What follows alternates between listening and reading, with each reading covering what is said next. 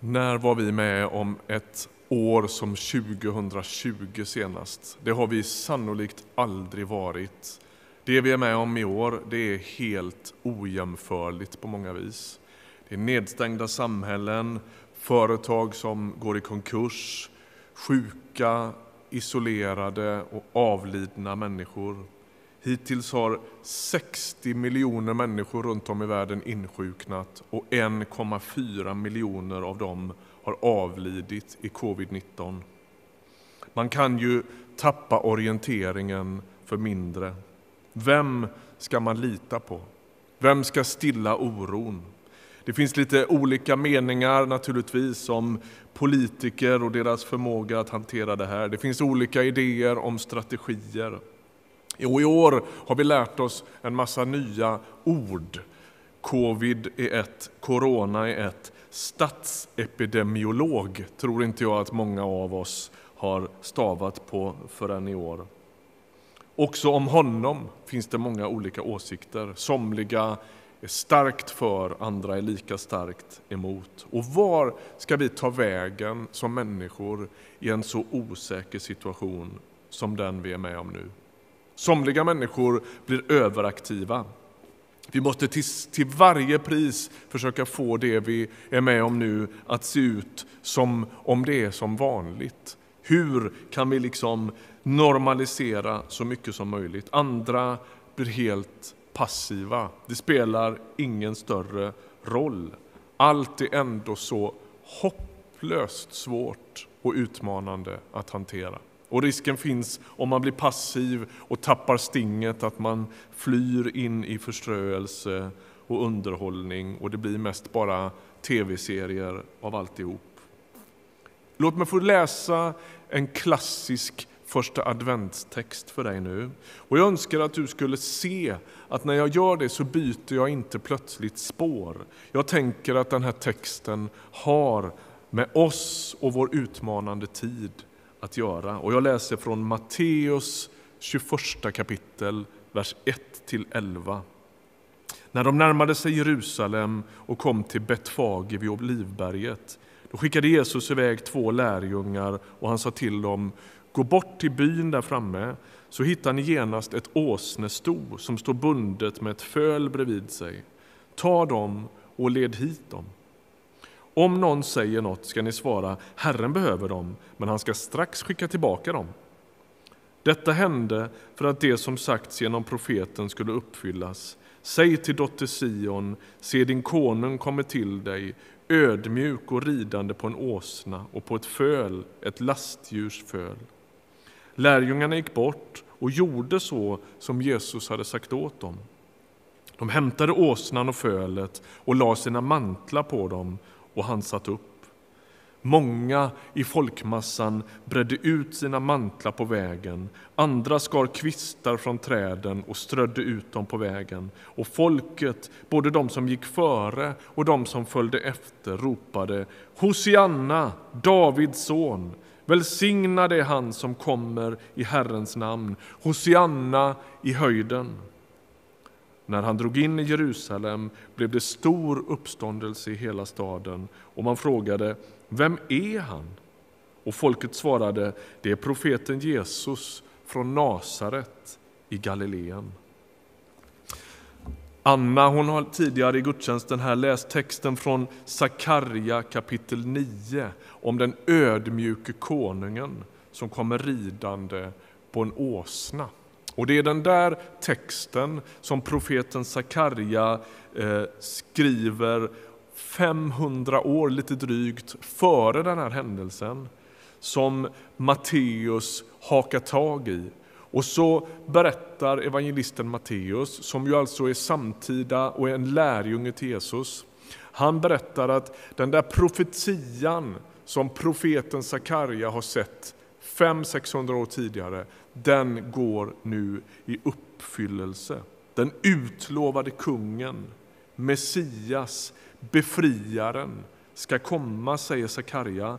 Han ska komma ödmjuk och ridande på en åsna. Och Matteus han liksom pekar och så säger han, där är han.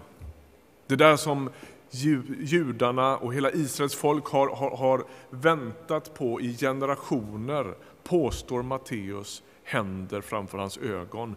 Där rider den utlovade kungen in i Israels huvudstad. Men notera vad Matteus citerar och vad han inte citerar. Sakarja han beskriver kungen som kommer till oss. Så långt är Matteus och Sakarja överens. Så småningom fortsätter evangelisten Matteus och citerar den gamle profeten och talar om att Messias ska komma ridande på en åsna. Också det stämmer, men mitt i det här så utlämnar Matteus något som är centralt i den här ursprungstexten. Den ödmjuke kungen kommer, rättfärdig och segerrik, säger gammaltestamentliga profeten. Varför utelämnas det? I dagens text så står det att Jesus kommer ödmjuk, ridande på en åsna, men det står ingenting om den rättfärdige, segerrike kungen. Jag tänker att det sker väldigt medvetet. Matteus berättar sin historia, eller skriver ner sin historia, långt efter de här händelserna i Jerusalem, så han vet ju utgången på det här. Men det är som att han bjuder in oss i den här scenen som är väldigt oviss. När Jesus sitter på den här åsnan och rider in i huvudstaden, då är det inte som en segrare. Han blir förvisso hyllad av folkmassan och det finns ju en smak av jubel och seger och så. Men endast fem dagar senare så kommer samma folkmassa som idag ropar Hosianna att istället ropa korsfäst. Så småningom kommer den här märklige kungen på åsnan att kallas rättfärdighetens konung och segraren. Men vi är liksom inte riktigt där än. Jesus rider in i Jerusalem i akt och mening att segra, men han gör det på ett helt bakvänt vis där alla andra härskare och alla andra makthavare känner ett enormt omättligt behov av att spänna musklerna, visa sin makt, visa sin potential, aldrig visa sig svaga, så kommer Guds Messias i ödmjukhet och hans plan är att lägga ner sitt liv. Jesus, Guds Messias, kröns inte på en tron utan på ett kors. En av verserna i Bereden väg för Herran, den lyder så här. Ej kommer han med härar och ej med ståt och prakt. Dock ondskan han förfärar i all dess stolta makt. Med andens, värld, han, andens svärd han strider och han segrar när han lider. Välsignad vara han som kom i Herrens namn. Han segrar när han lider. Det är alltså inte segraren som rider in i Jerusalem utan snarare offerlammet.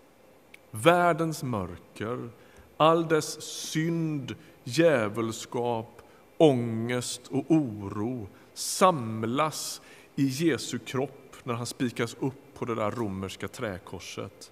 Han segrar när han lider.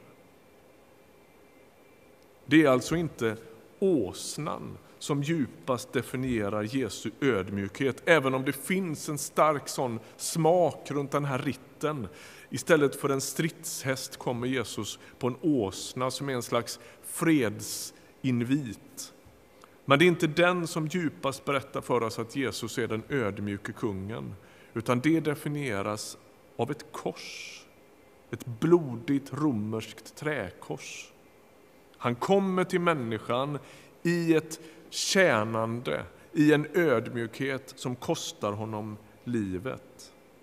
Han kommer till oss märkt av sår och han kallar kämpande, förvirrade och ibland lite rädda människor att följa honom.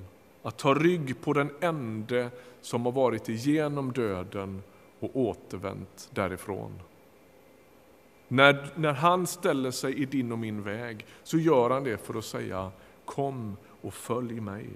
Och nu är det som att han kommer också dig och mig till mötes.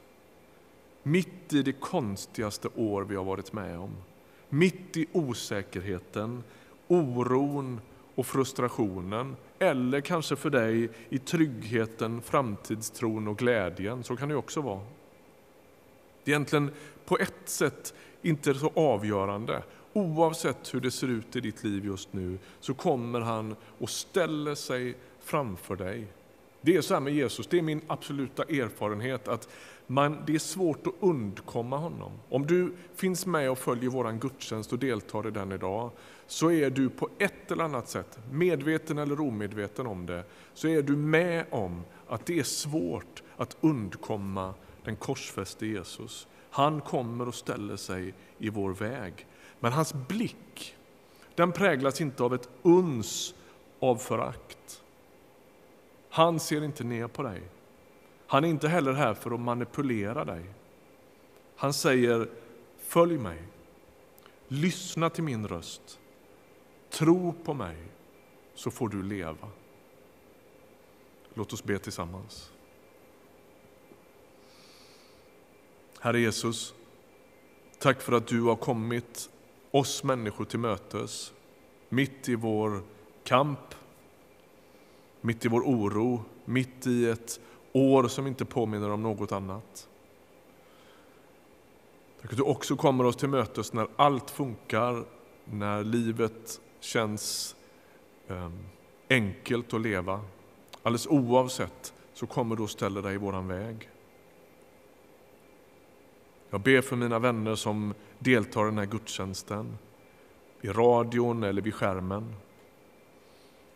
Herre, kom och smitta våra liv med din frid. Kom och smitta våra liv med din egen närvaro.